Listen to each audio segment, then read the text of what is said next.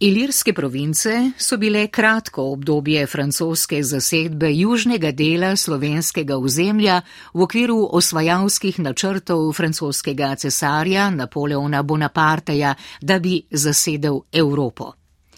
Čeprav so francozi v ilirskih provincah uvajali meščanske novosti, med ljudstvom niso bili priljubljeni.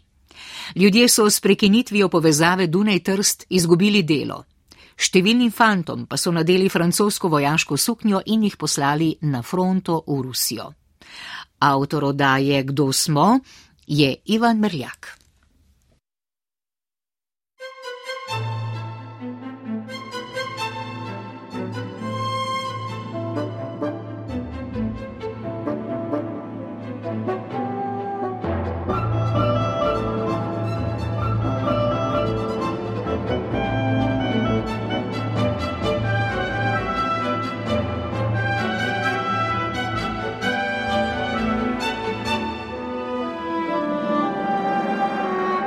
Mejniki identitete.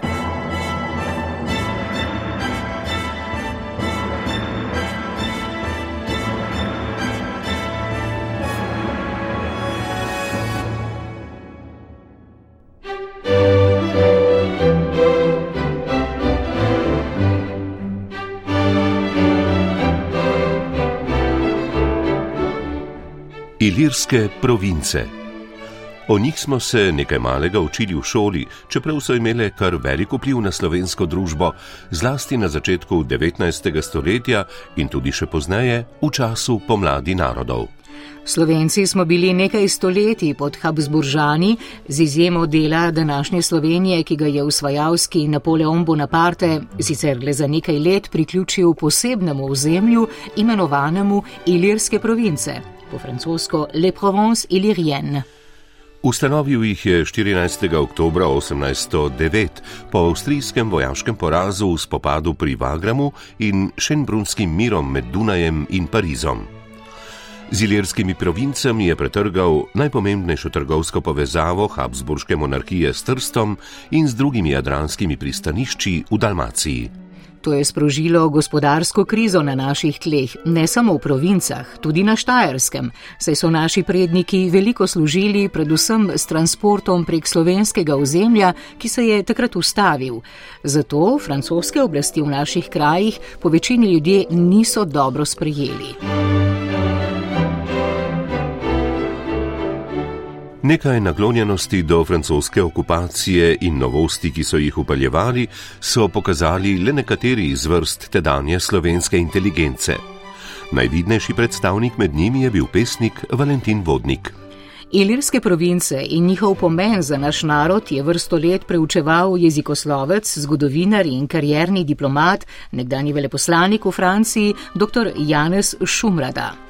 Začel sem s čisto slovenskimi srednjeveškimi temami, potem so me pa sredi 80-ih let, ko je zasedala v Ljubljani zadnjič eh, Jugoslovansko-francoska zgodovinska komisija, kolegi prepričali, da sem se zaprl za nekaj mesecev v arhiv Slovenije in začel po virih študirati eh, to, recimo, ilirsko francosko obdobje.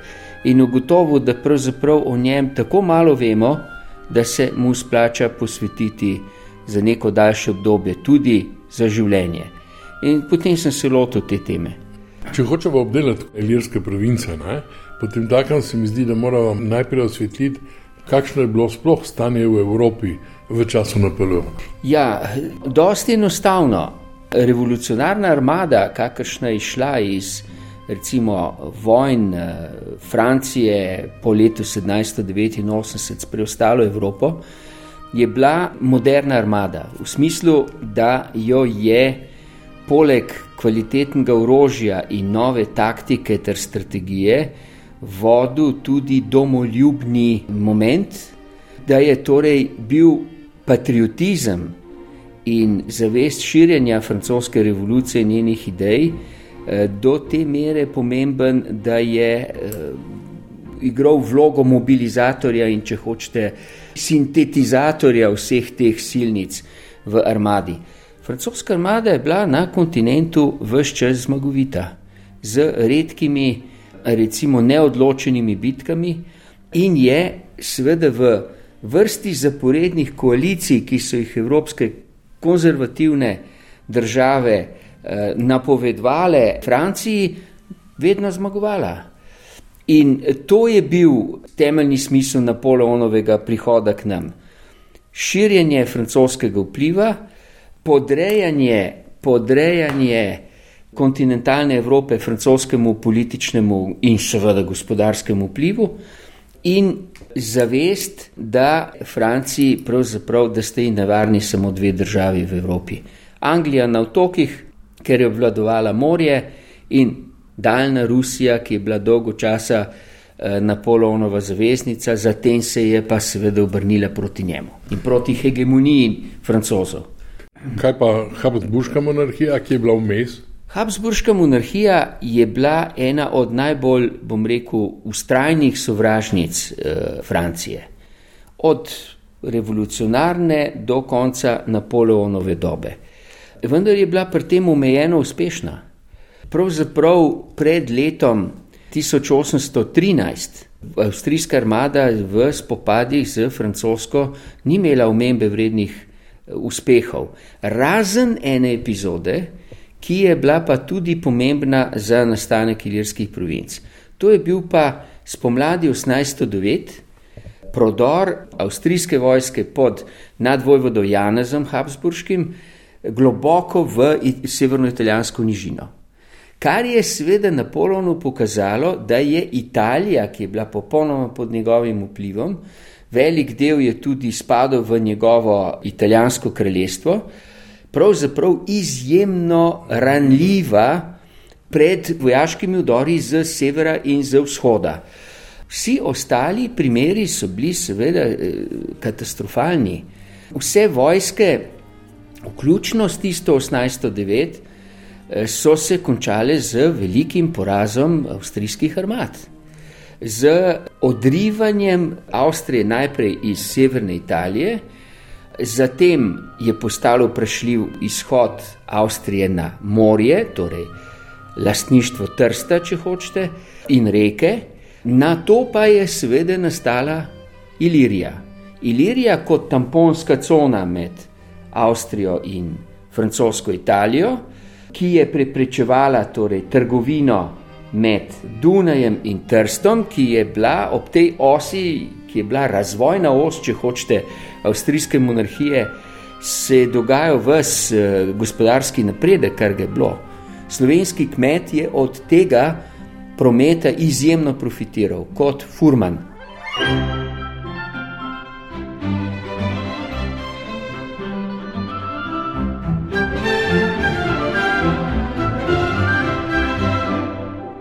Če se vrnemo rahlo nazaj, francozi niso bili 1809. prvič na slovenskem ozemlju.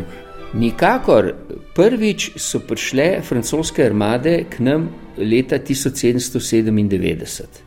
Tedaj je mladi Napoleon Bonaparte prevzel vrhovno poveljstvo nad francosko armado v Italiji in jo povedal v seriji bliskovitih, briljantnih vojaških zmag skozi celo severno-italijansko nižino, prišel do Gorice in seveda nadaljeval s prodorom v osrčje avstrijske države.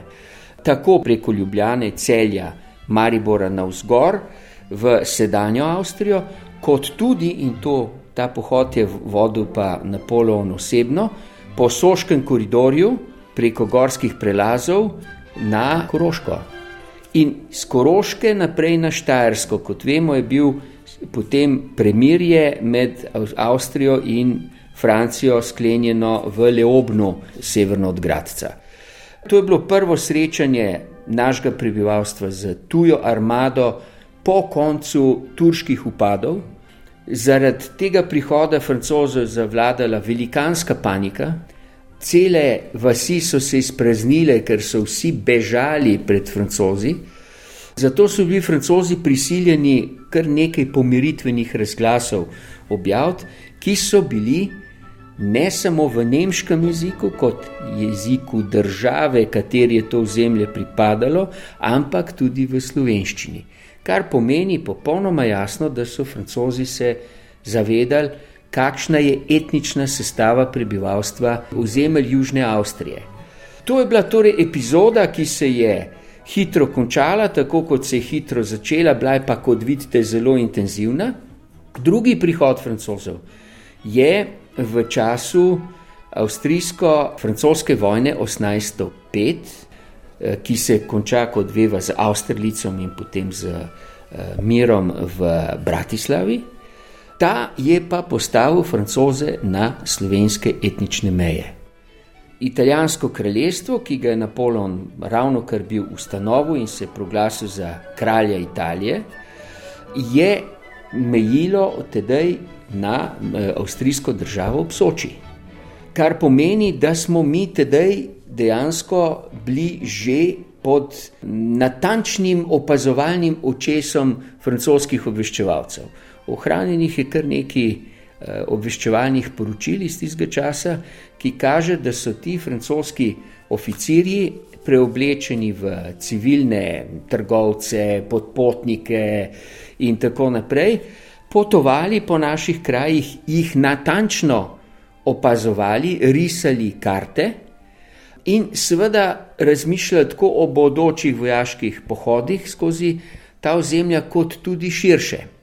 Kaj ti, tedajni neapeljski kralj in Napoleonov starejši brat, Jozef, Jožef, torej, je cesarja večkrat upozarjal, da je treba ustvariti tamponsko ozemlje med severno-italijansko nižino in nemškim ozemljem v Avstriji zaradi obrambe Italije.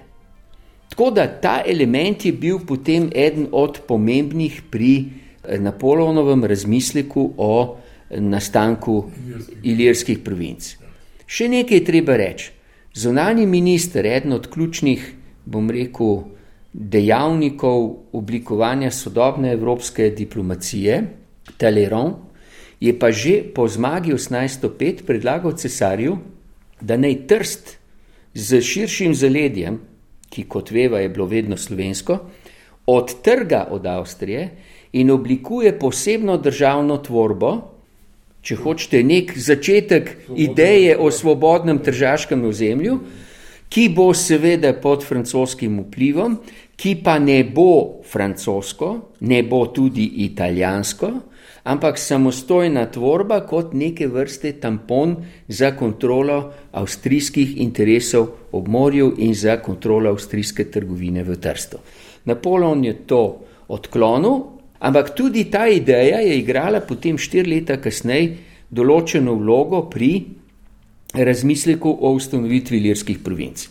Drugi razmislek je bil seveda pa veliko potezni eh, načrti francoskega cesarja o širjenju vpliva na vzhod. V Turčijo, ne pozabite, zadnja leta 18. stoletja so v znamenju francoske ekspedicije v Egipt, ki jo je Bonaparte vodil osebno.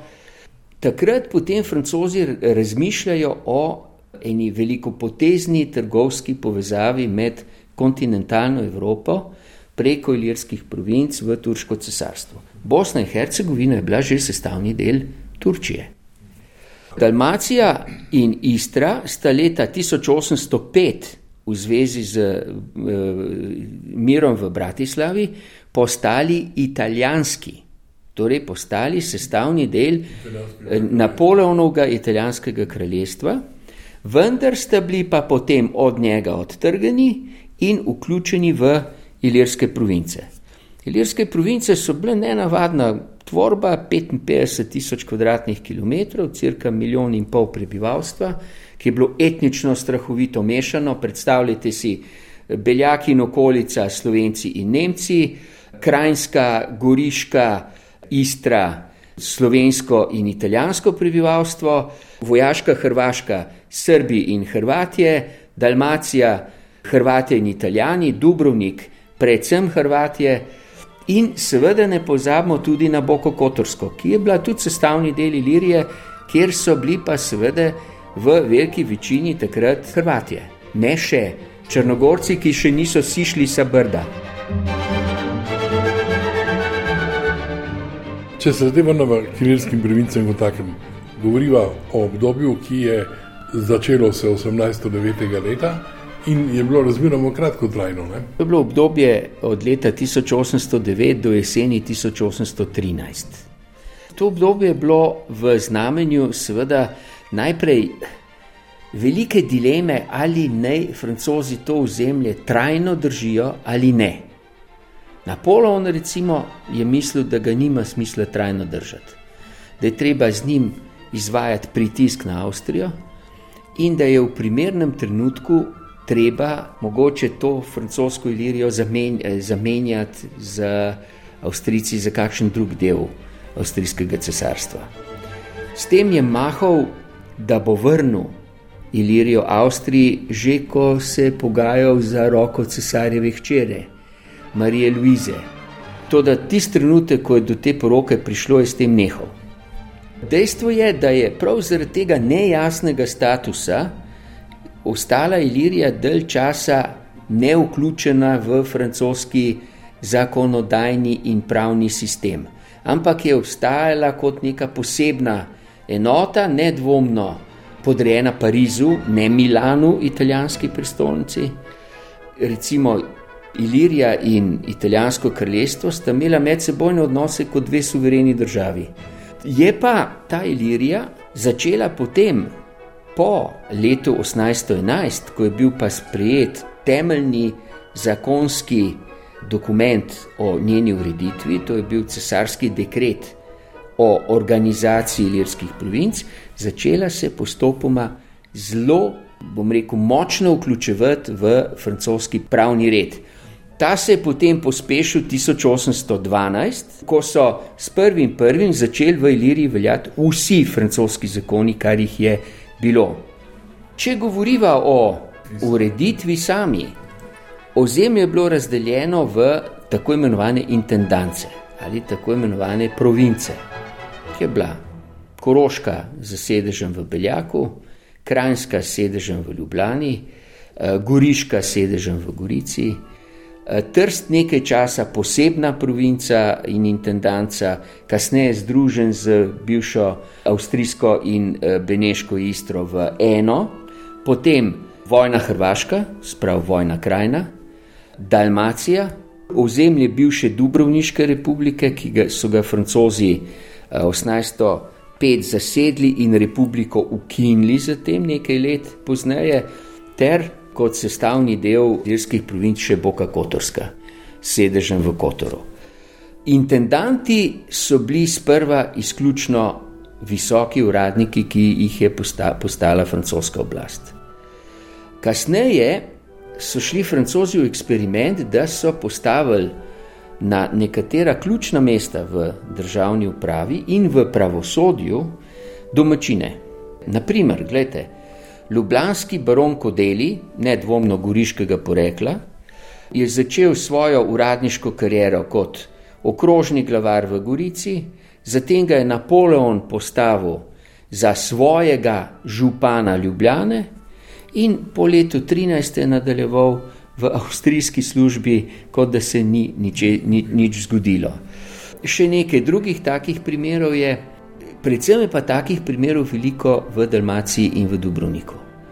Eh, Dubrovniška in dalmatinska nobiliteta, to se pravi patriciji iz tamkajšnjih mest, so bili bistveno bolj masovno odprti idejam sodelovanja s francoskimi oblastmi, kot pa recimo naše stare elite.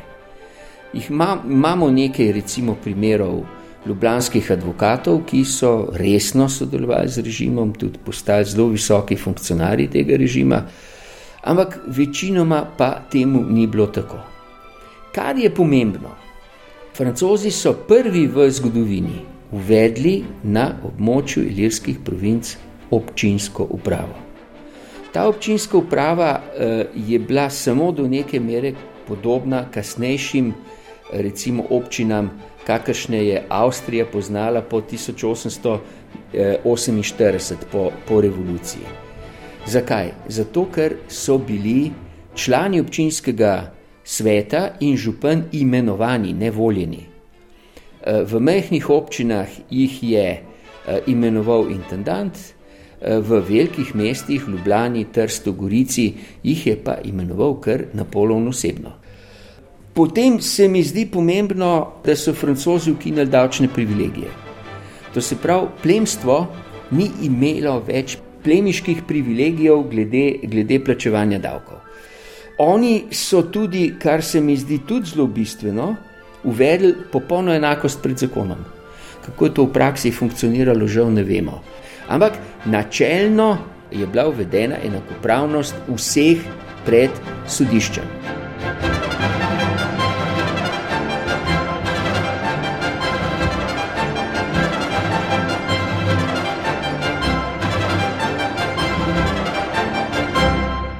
Francozi so upeljali še nekaj drugih novosti in sprememb. Podobno je seveda ukinitev feudalnih sodišč, jih s potezo ene roke ukinejo, uvedejo francosko sodišče. Zanimivo, da je na najnižji stopni so tako imenovani mirovni sodniki, ki bi jih lahko primerjali z današnjo institucijo poravnave. Potem ste imeli pa dvostopensko sodišče na območju Ilirije, to se pravi uh, osnovno sodišče prve instance, zatem apelacijsko prizivno sodišče v Ljubljani in v Zadru, ter seveda najviše sodišče uh, kasacijsko v, v, v Parizu. Kamor pa po tem, kar sem jaz študiral v Parizu, ni prišla niti ena sporna zadeva. Naprej Francozi so že v času jakobinske eh, prevlade, eh, v času revolucije, uvedli civilno poroko. Civilna poroka je postala po eh, Napoleonovem kodeksu obvezna, crkvena pa neobvezna.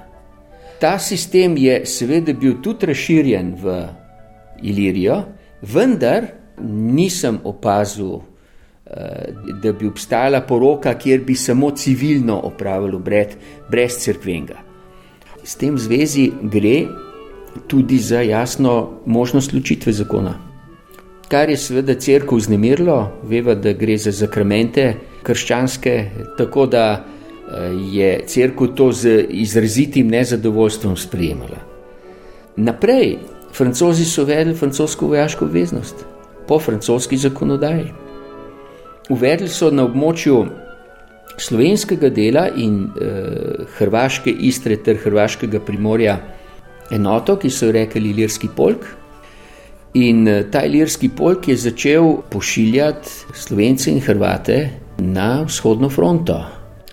In velika večina jih je seveda ostala tam. Ne pozabite na nekdanji slovenski bestseller iz druge polovice 19. stoletja ki eh, mu je dal Josip Jurčič, avtor tega bestsellerja, naslov Spomini starega slovenca. Gre za spomine preživelega ilirskega soldata z ruske fronte. Ime mu je bilo Andrej Pajk, rojen je bil v bližini Stične in je potem tudi kot zelo str možakar tam umrl v 70-ih letih 19. stoletja in je napisal, bil je pismen, vendar je bila njegova slovenščina na mešanca, veste, nemščine, slovenščine, uh, italijanskih, francoskih, ruskih besed in tako naprej. In, uh, ta besedilo je ohranjeno v Nuku. Uh, na podlagi njegovih teh zapiskov in pogovorov z njim je Jurčič objavil to knjigo, ki je fantastična. Ne vam povem, da je francoski prevod te knjige doživel tri ponatise, in da so ga kupovali celo v Rusiji, ljubitelji tega obdobja. Zanimivi so ti spomini že zaradi tega, ker gre za eh, človeka, ki, je, ki ni bil visok, recimo državni funkcionar, ampak podoficir, desetnik, preživel je Berezino, tam, kjer so recimo se umikali po zamrznenih truplih ob umiku iz uh, osrednjega dela Rusije, Moskve in tako naprej. Ker je bil kmečki fant vajen naporov, vajen tudi zim, ki so bile na dolenskem takrat drugačne kot so danes, je enostavno preživel.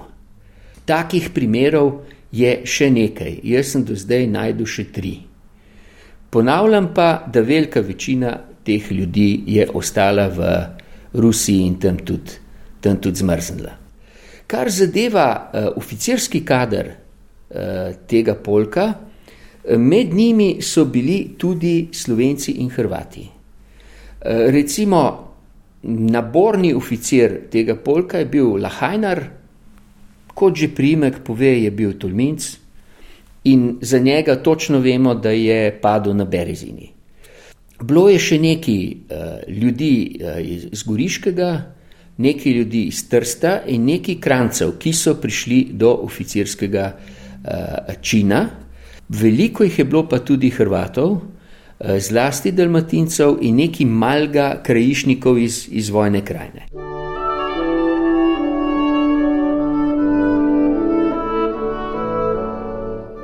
Vojaška obveznost je uh, bila splošna, uh, privilegijev ni bilo, razen, razen v primeru, da je šlo za recimo edinega sina in dediča posestva, ali pa tega, da so bili starši bogati in so lahko nekomu plačali, da je šel na mesto njihovega sinčka v vojaško suknjo on.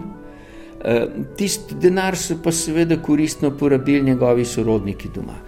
Eh, je takih primerov vendarle moč, moč našteti na prste obeh rok, ne prav veliko. Izjeme zaradi zdravstvenega stanja so bile pa relativno precejšnje, kajti mi imamo, in to je posebna dragocenost teh popisov eh, nabornikov, popoln opis Eh, zdravstvenega stanja in zunanjih značilnosti eh, nabornika za vsakega posebej. Zato vemo, da je večina fantov bila kozavih in seveda relativno mehki so bili, tam okrog 1,65 m. Ti fanti so potem, ko so bili oblečeni v uniformo ilirskega polka, maširali iz Ilirije preko Soče v Palmanovo, kjer so jih najprej pregrupirali v uh, bataljone, zatem so pa po bataljonih uh, odhajali v svojo centralo, ki je bila, pa ne boste verjeli, Alessandrija pod Apenini. Zakaj? Enostavno zaradi tega, da bi preprečili uh, bege. Dezertacij se je, kljub temu, bilo relativno veliko. Tako potem, ko so ugotovili, Eh, fantje, da gredo na rusko fronto, se je ta eh, število beguncev zelo povečalo. Tako da borbena vrednost irskega polka ni bila prav velika. Eden od pomembnih francoskih generalov piše, da je bil to eden od najslabših regimentov v sestavi francoske armade, ki je šla v Rusijo in nimamo razloga, da mu ne bi verjeli.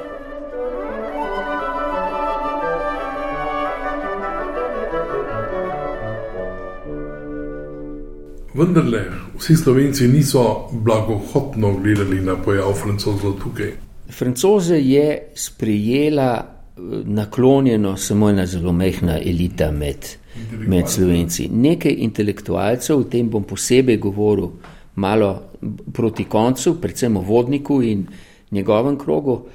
Najširši krogi pa niso imeli posebnega razloga, da bi bili zadovoljni z novo oblastjo. Glejte, eh, Francija je v času revolucije, že takoj na začetku, ukinila feudalizem. Pri nas nova oblast tega ni storila. Pri nas so samo omilili feudalne dejatve, zmanjšali so jih za 20 odstotkov, feudalizma kot takega pa niso odpravili. Zakaj? Treba je prvo stvar reči, da tudi v Franciji feudalizem ni bil odpravljen brez odškodnine, ki jo je bilo treba plačevati za odvezo feudalcem dotedanjim.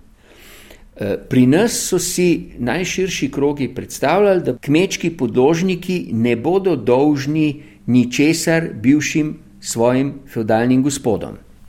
To je bila velika zmota, kajti francozi tam, kjer so odpravili feudalizem, so ga povsod z očkodnino, ki jo je bilo treba še dolga desetletja po obrokih plačevati bivšim feudalnim gospodom. Treba je reči, da je oblast, takoj ko so jo vzpostavili, konec leta 9, naročila pri nekaterih pravnikih v Ljubljani, v Trstu, eh, v Karlovcu, Zagreb seveda ni spadal v francosko Ilirijo, ekspertize o stanju feudalizma. Mi te uh, ekspertize poznamo in vemo, da so nekatere vplivali na to francosko odločitev, da se bremena kmečkih podložnikov znižajo za 20% in nič več kot to. Že leta 11 se začnejo posamezni uh, kmečki upori, ki se potem širijo in poglabljajo, in imate potem leta 1813 eno veliko ljudsko gibanje proti feudalizmu, ki je značilno za eno široko območje celotne slovenske ilirije, da tako rečem. Francozi so poskušali narediti še en korak. Poskušali so spremeniti pravni značaj eh, feudalnih odnosov med grofom in podložnikom. Želeli so ga spremeniti v privatno pravno razmerje, ki bi bilo upisano v hipoteko. Imate hipoteko na 20 let, eh, toliko in toliko frankov, od tega plačujete letno vsoto, toliko in toliko frankov, lastniku hipoteke, to se pravi, feudalcu.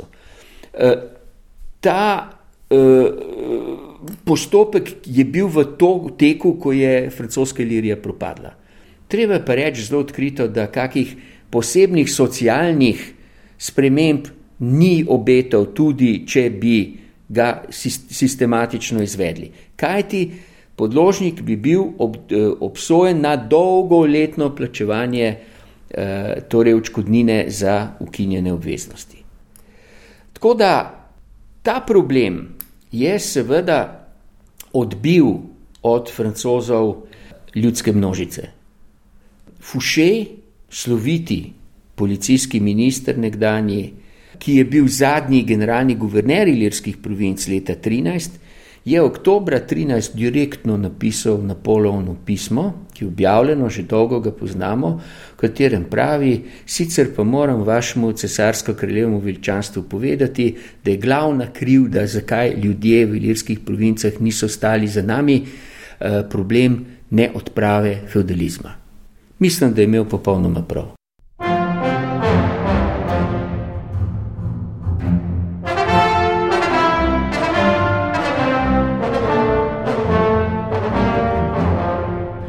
Ljudsko nasprotovanje francozom je zlasti zaradi novačenja slovenskih fantov v francosko vojsko vse bolj naraščalo.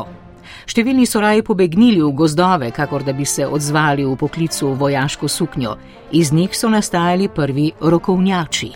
Kar zadeva rokovnjače, rokovnjači so, vsaj za me, in tudi prvoten pomen besede rokovnjači so ljudje, ki zaradi gospodarske krize in zaradi nabora avstrijskega ali, ali uh, francoskega, zatem se umikajo v gozdove, če hočete, v ilegalo in poskušajo na različne načine potem preživeti, z ropanjem, z tatvinami, eh, tudi z težjimi krvnimi delikti. To, kar v Sloveniji smatramo za rokovnjače danes, predvsem recimo tam, kjer je ta tradicija najbolj ostala živa, v Črnem grabnu, okrog Lukovce, na območju od Lukovice proti Trojana. Tam je prišlo leta 1809 do nekaterih napadov eh, prebivalcev, predvsem res takšnih, ki so se umaknili v gozdove iz svojih domači eh, na eh, manjše francoske enote, pa na manjše francoske skupine. Tako so recimo v pošti v Šentgotardu pod Trojanami napadli človeka, ki ni bil nepomemben, zelo pomemben, se je bil prevajalec v ilirščino maršala Marmona in so ga tam tudi ubili. Ali je bil slovenec ali hrvat, ne vemo. Krstnik mu je dal ime v rokovnjačih Brnjač. Vemo, da se je pisal Vernaco in je torej bil vsaj, ali če ni bil italijan, je bil vsaj italijaniziran slovan iz Istre ali pa, ali pa eh, Dalmacije. Istočasno so oropali tudi seveda francosko vojaško blagajno. Podobno je bil še en napad, vendar francoska preiskava, sodna preiskava in proces, ki je potekal pred vojaškim sodiščem francoskim v Ljubljani, sta pokazala, da pravzaprav so ključni organizatori in ključni povezovalci tega gibanja, ki ga mi imenujemo rokovnjaško, bili pravzaprav organizatorji avstrijskega brambovstva. Kaj je brambovstvo? Zelo enostavno. Avstrija se je leta 1808, v času, ko se je pripravljala na novo vojno z Napoleonom, odločila, da bo modernizirala, če hočete, da uporabim današnji termin, teritorijalno obrambo. Ustanovili so brambovstvo, Heimwehr ali Landwehr, kasneje smo to prevajali z domobranstvom, ampak ta izraz je mal kontaminiran, kot veva, z drugimi zadevami, zato uporabljajo naprej brambovstvo. Eh, brambovce so po nedeljski maši, običajno nekje v bližini cerkve, učili, kako ravnati z orožjem, kako korakati in podobno. Skratka, so jih spre, skušali spremeniti v neko vojski podobno organizacijo, kakšni upokojeni častniki, domačini. In ta organizacija je nasplošno ob prihodu francozov zatajila. Ne samo pri nas, tudi v nemških krajih. Je pa zanimivo, da je bila posebej dobro organizirana na tem območju, o katerem zdaj le govoriva, na območju okrog Lukovce do Trojan eh, in, in okolice. Torej, na meji, če hočete, med Krajinsko in Štarsko, ki je postala državna meja istočasno med Avstrijo in, in uh, ilirskimi provincami. Vsi ti glavni organizatori so bili učitelj v Šentgotardu, župnik na Trojanah, torej ljudje, ki odstopajo od tistega osnovnega opisa rokovnjač, ki ga imamo pred očmi. Ti fanti so tudi vsi zbežali na avstrijsko stran, ker so očitno se smatrali za krive. Nekatere so francozi neosmiljeno z sodbo obsodili na smrt in ustrelili za ljubljanskim pokopališkim zidom. In uh, s tem je bilo te zanimive epizode v Črnem grabu na konec. O rokovnjačih, ki napadajo trgovce, o rokovnjačih, ki se pojavijo pri, pred kmeti, ki ženejo na ljubljanski sejem, recimo uh, krave ali pa vole in jim jih oduzamejo, jasno, ker so rabili proviant, pa potem še vse čas naprej govorijo francoska in zatem spet avstrijska policijska poročila. In rokovnjaštvo kot takšno ni imelo nobene zveze več ne s francozi, ne z vojaško obveznostjo, ampak s socialnimi razmerami, ki so bile obupne. Omenili smo že, da je bila ilirskim provincam naklonjena le oska skupina slovenskih intelektualcev, med njimi pesnik Valentin Vodnik. Kar zadeva kulturne, šolske razmere v času Ilirije, je treba povedati, da je eh, pod Marmonovo upravo eh, v letu 10 in 11 išla cela vrsta učbenikov v slovenskem jeziku za različne predmete, ki so se predavali bodi si v osnovni ali pa v nižji srednji šoli. Marmon, ki je bil velik gospod, poročen, torej najmlajši francoski maršal, poročen z najbogatejšo dedinjo Francije, je prišel v Ljubljano novembra 1809 v prepričanju, da Slovenci oziroma Kranci in Dalmatinci govorijo en jezik. In da bo treba tudi na krajskem začeti uveljavljati dalmatinsko-hrvaščino kot uradni jezik. Vendar je pa v Ljubljani Marmon spoznal tudi svede predstavnike slovenskega ali če hočete cojzovega kulturnega kroga, ki so ga prepričevali v nasprotnem, o tem, da je slovenščina kot knjižni jezik nastala v 16. stoletju, da je izdano toliko in toliko knjig v slovenščini.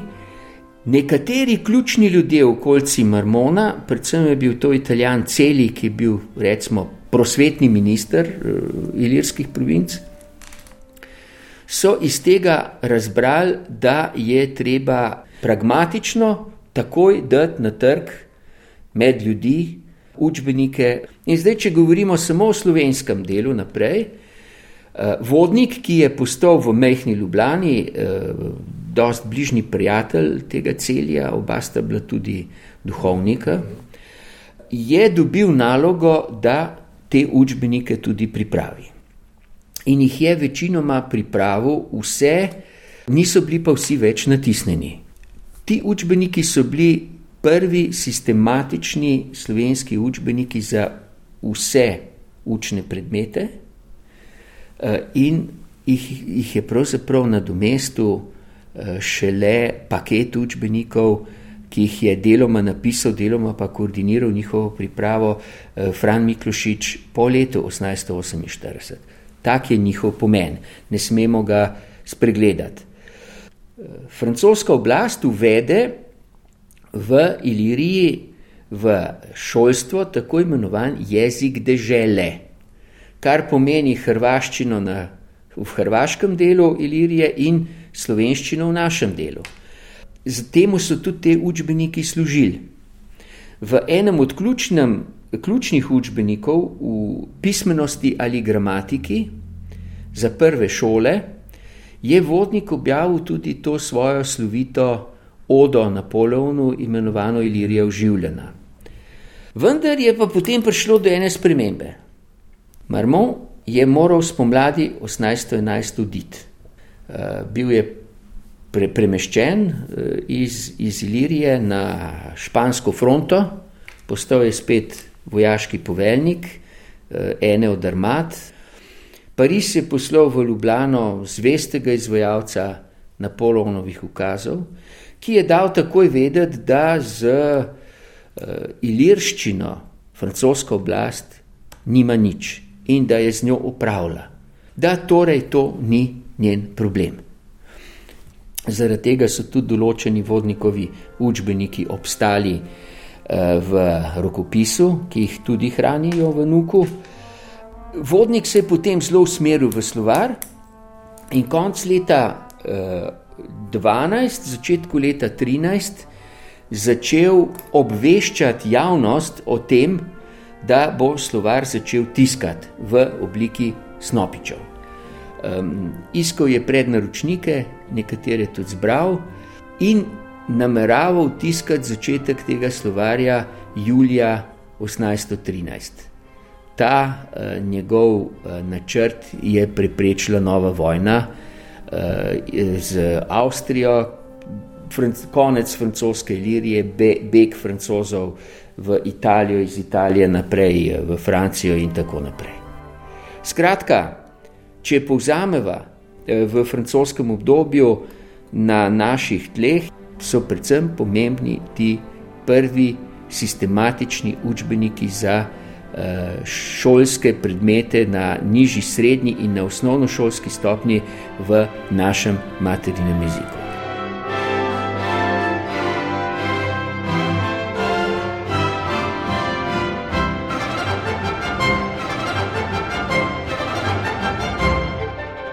Moramo vedeti, da so naši kraji bili v prvi polovici 19. stoletja relativno nemirni, V francoskem obdobju je ključna, seveda, gospodarska kriza. Predstavljajte si, večji del gospodarstva je vezan na razvojno os Dunaj-Trst, to se pravi na našem ozemlju Maribor-Trst.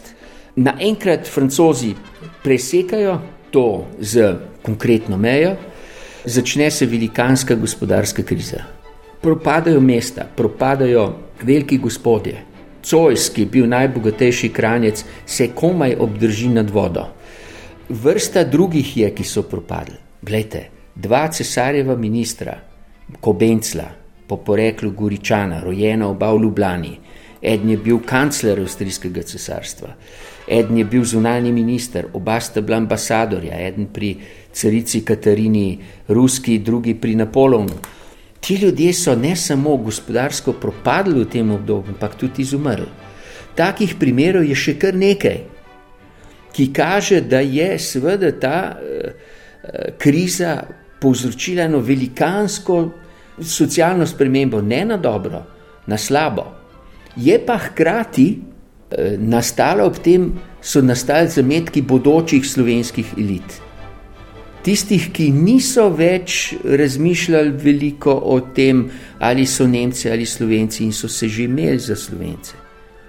Ti priimki, ki nastanejo, bogatstva, ki nastanejo, ti ljudje, ki se začenjajo pojavljati, imajo potem vlogo tudi pri podpisovanju pod peticij za zedinjeno Slovenijo 30 let kasneje ali pa njihovi otroci.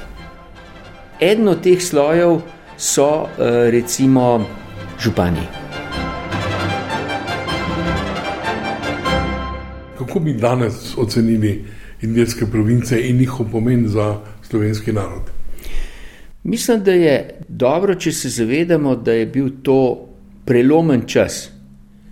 Čas, ki je obetal velike spremembe, ki je bil pa hkrati tako strnjen v nekaj let, da tudi dobri načrti, tudi dobre zamisli o reformah in drugačnih družbenih prijemih niso mogli uspeti. Skratka, francoska doba je pustila za seboj relativno grenek priokus. Tudi na tistih področjih, na katerem je uvajala reforme, jih ni mogla uvesti do konca, te reforme so pa z vrnitvijo avstrijskih oblasti, seveda, vse bile odpravljene in so propadle odmev te francoske dobe je zelo pozitiven v tedanjih eh, časopisih. In najbrž je tudi eh, to pozitivno vzdušje okrog francoske dobe vplivalo potem eh, na nadaljne generacije. Generacije zedinjene Slovenije, če hočete, okrog leta 1848 in naprej.